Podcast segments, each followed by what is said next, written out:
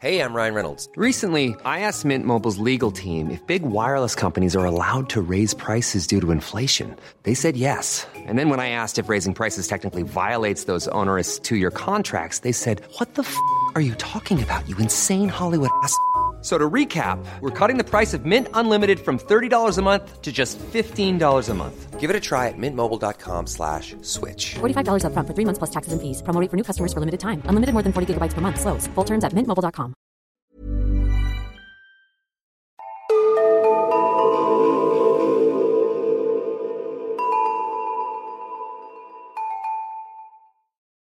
Hej och välkomna till Nära ögat, en true crime-podd för mesar. Mitt namn är Alexandra Kensdottir.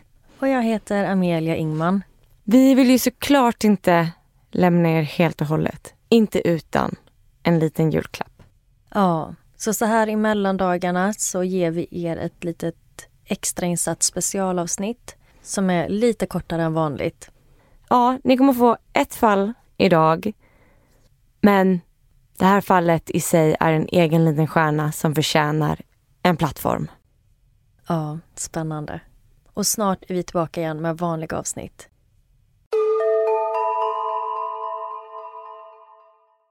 Idag ska jag berätta om kidnappningen av Carolyn Watson och Julian Bushwald. Mina källor är ett podcastavsnitt av Casefile och Youtube-avsnitt från både Crime Zone och Mr. Ballen. Jag har även läst artiklar från The Age, ABC och Daily Record. 2008 är Carolyn 17 år och hennes pojkvän Julian Bushwald är 22 år gammal. Carolyn bor i Churchill i Australien.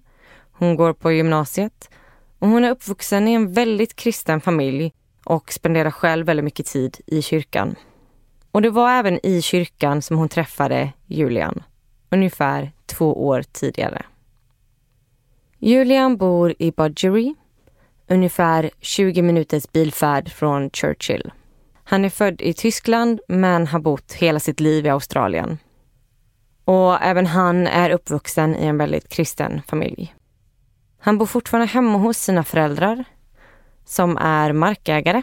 De äger runt 485 hektar mark.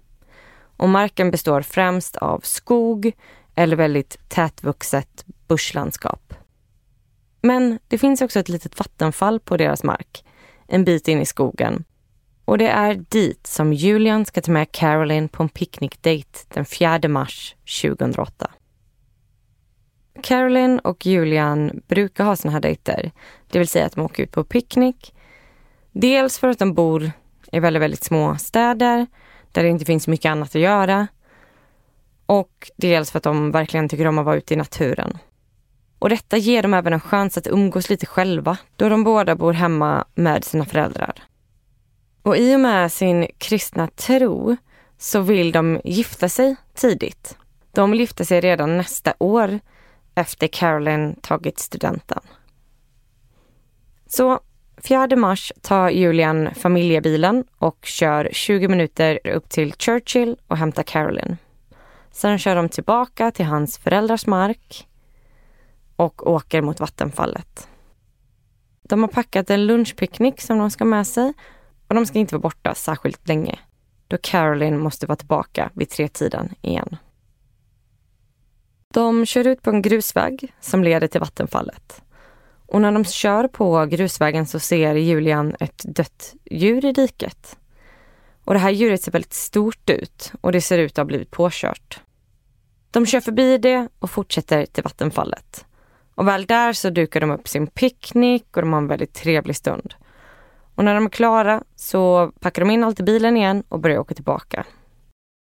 Och när de kör längs med den här grusvägen igen så vänder sig Julian till Caroline och säger att han vill kolla in det här djuret. Han vill se vad det är för något. Och det här är inget ovanligt då Julian hjälpt sina föräldrar att få bort påkörda djur flera gånger på deras mark. Så efter ett tag så stannar Julian bilen. Och han misstänker att han kört för långt för han kan inte se djuret.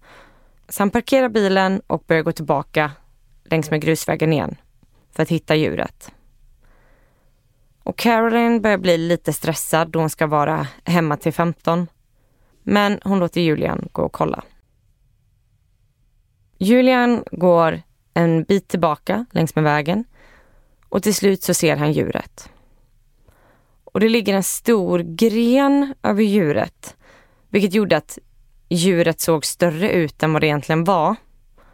Så han går bort dit och försöker lyfta bort den här grenen för att se vad det är för djur. Och när han gör detta så händer något och allt blir svart. Samtidigt så sitter Caroline i bilen och hon undrar vart Julian har tagit vägen. De ska ju vara tillbaka till tre. Så hon vänder sig om och försöker titta efter Julian men hon ser inget. Och efter ett tag så tröttnar hon och går ur bilen och ska börja gå mot Julian. Men när hon ställer sig upp och tittar bort mot vägen så ser hon något. Det är någon som står vid krönet. Men den här personen är helt svartklädd med en balaklava och handskar. Och hon fryser till is. Runt halv fyra på eftermiddagen så undrar Julians mamma vart de är. Hon går runt och tittar om hon kan se bilen, men hon ser ingenting. Hon går lite längre bort till den stora vägen vid deras hus och hon tittar åt det håll som grusvägen ligger. Men hon ser inte bilen någonstans. Och längs med deras mark så går ett staket. Och lite längre fram på staketet så ser hon något som ser konstigt ut. Så hon går fram och tittar och då ser hon att det är en plastflaska som är intryckt i staketet. Och i den här flaskan så ligger det en lapp. Så hon drar ut den och läser vad som står. Brevet är väldigt felstavat och har väldigt konstig grammatik och innehåller även en hel del symboler. Och sammanfattningsvis så står det ungefär så här. Ni kunde inte lämna oss i fred, så er son och hans tjej har försvunnit. Ni får tillbaka dem om ni beter er och inte jävlas med oss igen. Säg till alla att de är på semester och kontakta absolut inte polisen för då kommer ni aldrig få tillbaka barnen. Om ni gör det så kommer ni aldrig se dem igen för vi kommer våldta flickan till döds och bränna henne levande. Och pojken kommer vi offra till vår Gud och hämnas för allt han gjorde när vi tog honom. Det här är er sista varning. Gör som vi säger och era barn kommer komma tillbaka. Och det här brevet var signerat ONA, vilket är en satanistisk sekt eller en satanistisk kult. Hur gamla är Caroline och Julian? De är 17 och 22. Mm. Så Caroline är 17 och Julian är 22. Och när Julians mamma läser detta så blir hon ju såklart förskräckt. Men hon går helt emot det som står i brevet och ringer polisen. Och när polisen kommer och undersöker brevet så tror de först att det är ett skämt. Det finns ju ingen anledning till varför en satanistisk sekt eller ett satanistiskt sällskap ska ta Caroline och Julian. Och de har ju faktiskt bara varit borta några timmar. Men när Carolines föräldrar får höra om brevet så berättar de att de också fått ett liknande brev ungefär tio dagar tidigare. Och brevet hade liknande hot, även samma symboler och det var också signerat ONA. Och när Carolines föräldrar då hade fått det här brevet så förstod de ju ingenting och de förstod inte vad det här var. Så de avfärdade det som ett skämt. Så nu när polisen får höra om det andra brevet så börjar de ta det här på allvar. Och de förstår ju att vem den är som har skrivit breven har ju haft koll på Caroline och Julian. Polisen sätter nu in en stor sökinsats. De skickar bland annat ut helikoptrar som söker efter paret. Men de kan inte hitta någonting som leder polisen till dem. Och dagarna går och alla blir mer och mer oroliga. Sju dagar efter paret försvann så är en man ute och kör. Och det här är ungefär 40 kilometer från där paret försvann. Han ser då ett ungt par som är nästan helt avklädda och de stapplar ut på vägen. Han ropar på dem och frågar om de är okej. Okay. och paret ber honom då om hjälp. Och han kör in dem till ett sjukhus i närheten. Och det är Carolyn och Julian som hittats. Paret hade inga svåra skador, men deras kroppar var täckta av små skärsår, blåmärken och de var svårt brända från den starka australiensiska solen. De var lite uttorkade, men framförallt så var de extremt skärrade. Men då paret ändå var i så pass bra fysiskt skick så vill polisen förhöra dem så snabbt som möjligt för att förstå vad det är som har hänt och kunna gripa de som har gjort det här mot dem så fort som möjligt. Och de blir nu förhörda en och en kring vad det är som har hänt. Har du några tankar? Jag vet inte. På ett sätt så känns det alltid lite så misstänksamt när man pratar om en satanistisk sekt eller kult. Jag skulle gissa på att det är en oväntad gärningsman. Men jag har ingen aning om vem som skulle kunna ligga bakom detta. Julian vittnar om att när han gick och kollade på djuret och tog bort den här grenen så blev allt svart. Och han minns ingenting. Och när han vaknar igen ett tag senare så är det mörkt ute och han är helt naken. Och han är bakbunden runt ett träd. Och han känner inte igen sig. Han är i en skog men han vet inte riktigt vart. Och han håller på att försöka dra loss sig men sitter fast i de här repen. Och efter ett tag så ser han att lite längre bort så ligger en kniv gömd under lite löv.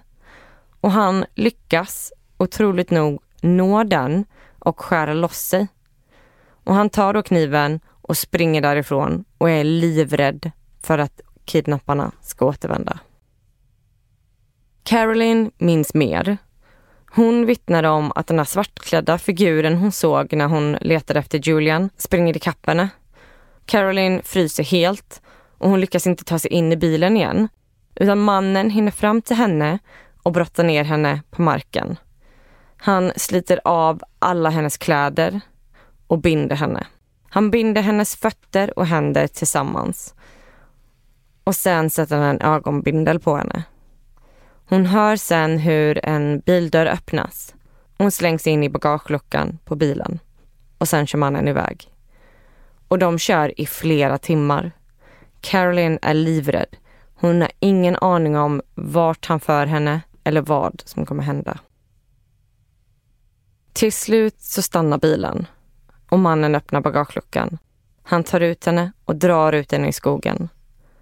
Mannen försvinner en kort sväng och sen kommer han tillbaka. Hon hör nu spadtag och hur han gräver. Caroline är säker på att han gräver hennes grav. Sen finns det lite olika uppgifter i olika källor. Vissa källor säger att Caroline blev nedlagd i hålet medan andra källor säger att hon var bredvid hålet. Men det hon gör i den här situationen är det enda hon vet och det är att be. Så hon ber till Gud att Gud ska rädda henne och ta henne ur den här situationen. Och kort därefter så försvinner mannen iväg. Det är kallt ute och Caroline har inga kläder på sig. Och hon kan inte ta sig ur repet som hon är bunden med. Och efter ett tag så hör hon något. Hon hör att det är någon som ropar efter henne. Det är Julian. Och hon ropar tillbaka och inom kort så hör hon hur han hittar henne. Han tar då bort hennes ögonbindel och skär loss henne. Och Caroline har otroligt ont efter repen, så hon har svårt att gå. Men de måste skynda sig därifrån för de förstår att kidnapparna kan komma tillbaka när som helst. Julian försöker hjälpa Caroline därifrån. Men innan de går så ser de något vid ett träd. Det är en sovsäck.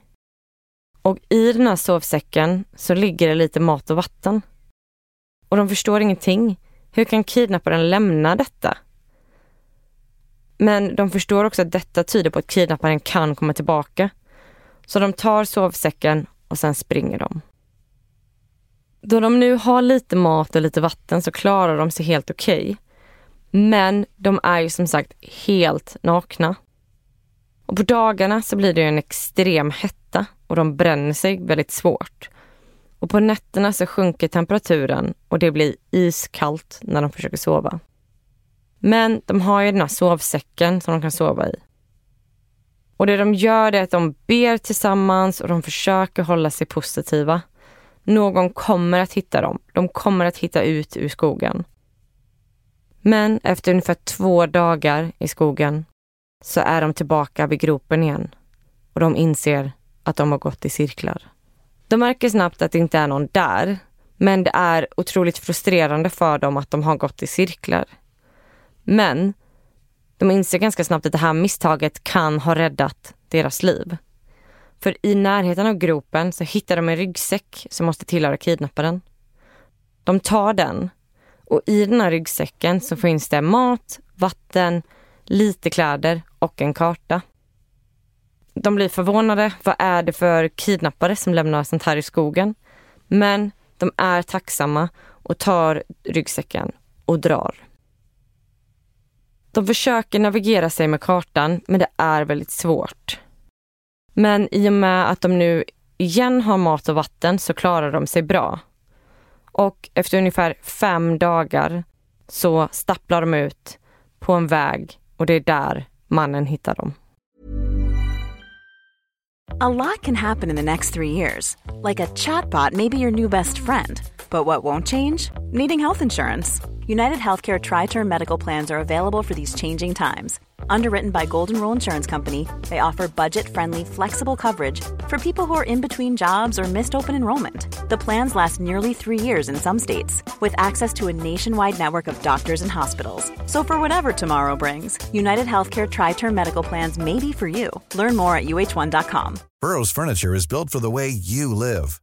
From ensuring easy assembly and disassembly to honoring highly requested new colors for their award winning seating, they always have their customers in mind. Their modular seating is made out of durable materials to last and grow with you. And with Burrow, you always get fast, free shipping. Get up to 60% off during Burrow's Memorial Day sale at burrow.com slash ACAST. That's burrow.com slash ACAST. burrow.com slash ACAST. Och när polisen får höra allt detta så gör de en gigantisk sökning i området där paret varit. De hoppas på att hitta bevis på vem eller vilka det är som har tagit Julian och Carolyn. Och efter ett tag så hittar polisen gropen. Och där hittar de också spaden, silvertejp och rep. Och de tar in alla de här sakerna på undersökning och blir minsann chockade av resultatet. Det visar sig att alla de här sakerna tillhör Julian. Och även läkarna som undersökte dem när de kom in till sjukhuset vittnar om att det är något som inte riktigt stämmer. För om Julian hade blivit slagen i huvudet så svårt att han var medvetslös i flera timmar, då borde han ju ha någon slags sår i bakhuvudet. Men de kan inte hitta någonting. Polisen försöker förstå vad det är som hänt. Och de inser att Julian på något sätt är involverad i den här kidnappningen. Så polisen förhör Julian igen och pressar honom hårt med de här nya bevisen. Och Julian ger till slut med sig och erkänner allt. Så, vad var det egentligen som hände? Den 4 mars 2008. Det fanns aldrig något påkört djur. Det var bara en påhittad anledning till varför han skulle kunna stanna bilen och gå iväg. När han går iväg så går han till ett träd där han flera dagar tidigare gömt kläder, rep, spade, silvertejp. Och han byter om där, han tar på sig sina svarta kläder och en balaklava och handskar. Och sen så går han till bilen. Och när han ser att Caroline står utanför så tar han sats och brottar ner henne. Han klär av henne kläderna, binder henne och lägger henne i bagageluckan. Sen kör han runt i ungefär sex timmar. Och han kör då norrut till den här nationalparken där de hittades. Ungefär 40 kilometer från platsen. Väl där så gräver han den här gropen och han planterar även ut den här sovsäcken med mat och även den där ryggsäcken som de hittar några dagar senare. Och sen försvinner han iväg, tar av alla sina egna kläder och låtsas som att även han varit bunden. Och sen så springer han runt och börjar skrika Carolins namn. Och när han sen kommer fram till henne så räddar han henne och berättar sin påhittade historia kring hur han också har blivit kidnappad. Men Julian hade ju stenkoll på vart de var. Och han såg ju till att leda dem tillbaka till gropen. För att då otroligt nog hitta den där ryggsäcken där det fanns ännu mer mat och vatten.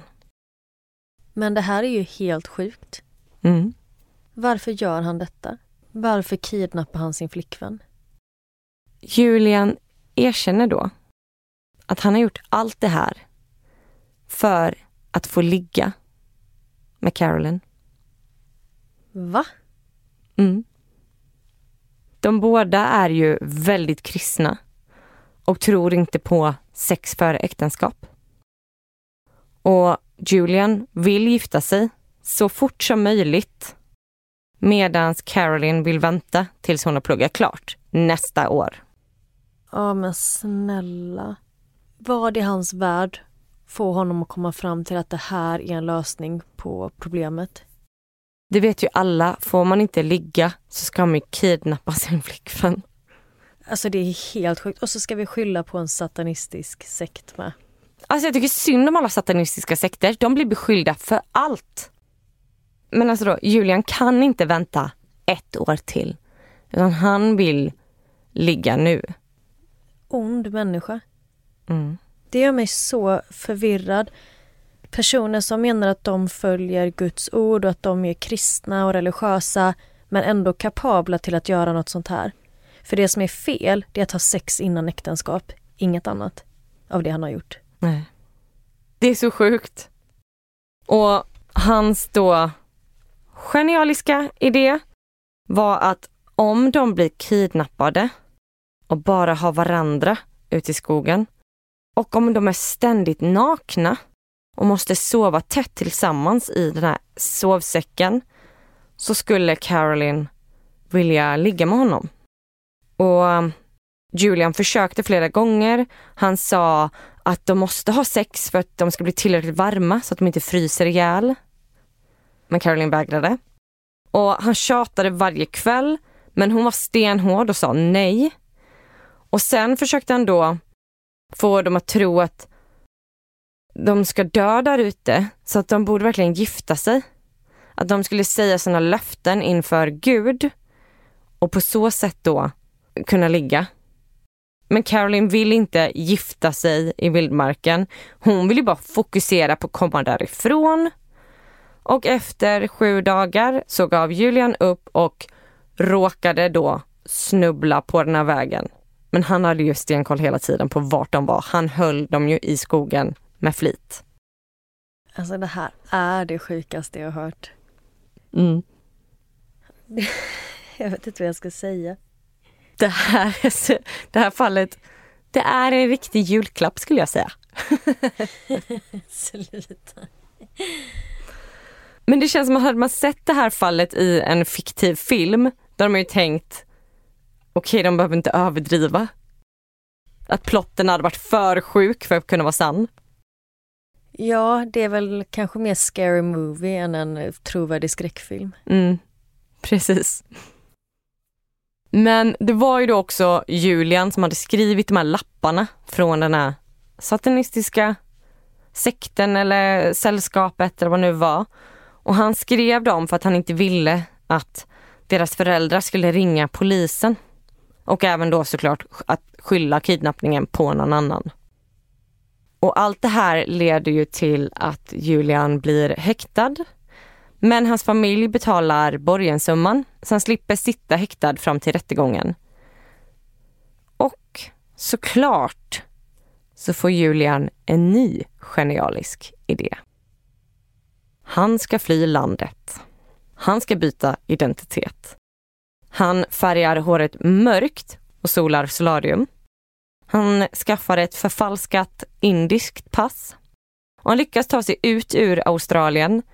Men så fort han landar i Indien och visar sitt pass så åker han dit och skickas tillbaka till Australien där han återigen häktas. Så 2009 så döms han då bland annat för kidnappning där han får sju år och tre månaders fängelse.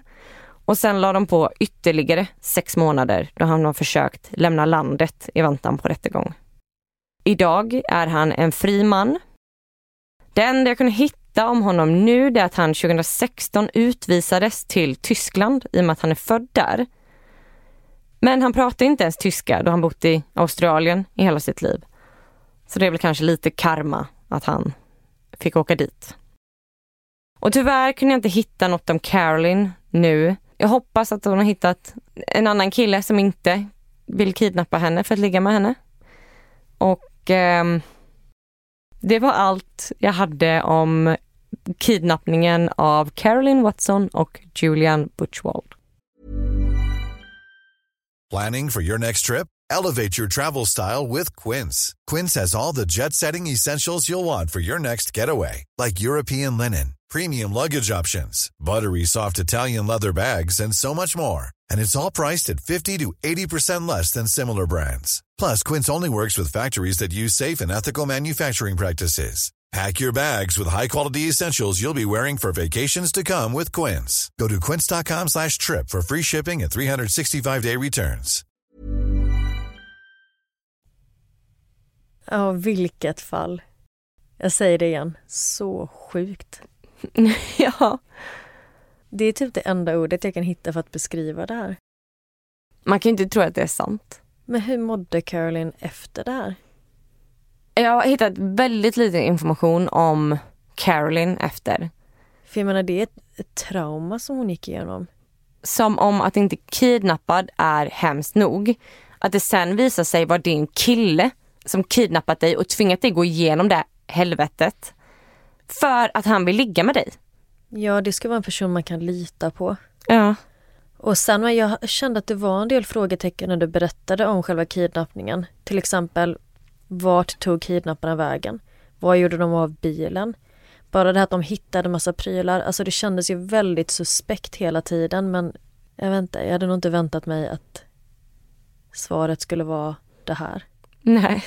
Och det är ganska kul på det här förfalskade passet där Julian låtsas vara indisk. Alltså han är ju bara knallröd i ansiktet och har färgat håret svart. Han låter ju inte supersmart. Nej men alltså han verkar ju vara helt så här delusional. Han verkar ju tro... Det känns som att han har kollat för mycket på så Catch Me If You Can eller någonting och tror att han kommer på så här mästerplaner. Ja men typ att han är oåtkomlig. Mm. Men han lyckas ju inte med en enda av sina planer. Och jag är så glad över att Caroline inte låg med honom. Ja, verkligen. Och att han fick ändå ett ganska hårt straff. Ja, för det var ju en kidnappning. Mm, absolut. Även om det var hans flickvän så var det en kidnappning. Det känns så obehagligt med att det var så planerat, att han hade liksom placerat ut de här grejerna och tänkt ut hur han skulle ja, men, ha en anledning att stanna bilen och sådär. Han hade ju skickat den här lappen till Carolines familj tio dagar innan. Ja, det är så himla obehagligt. Mm. Men han kanske har fått ligga nu i fängelset då. ja, kanske det. Ja, och vi kommer lägga ut den här bilden på hans pass. Alltså den är så rolig, tycker jag. Speciellt när man hört hela historien bakom. Ja, den vill jag se. Så se till att ni följer oss på Instagram och Facebook där vi heter Nära ögat podd. Så kommer ni hitta bilden där. Mm, jag hoppas ni gillade den här lilla extra julklappen. Och se till att prenumerera på podden så missar ni inte sen när vi drar igång. Ja, precis. Och förhoppningsvis dröjer det inte allt för lång tid innan vi kör igång med nya avsnitt igen. Men tills dess får ni ha en jättefin nyårsafton. Gott nytt år på er!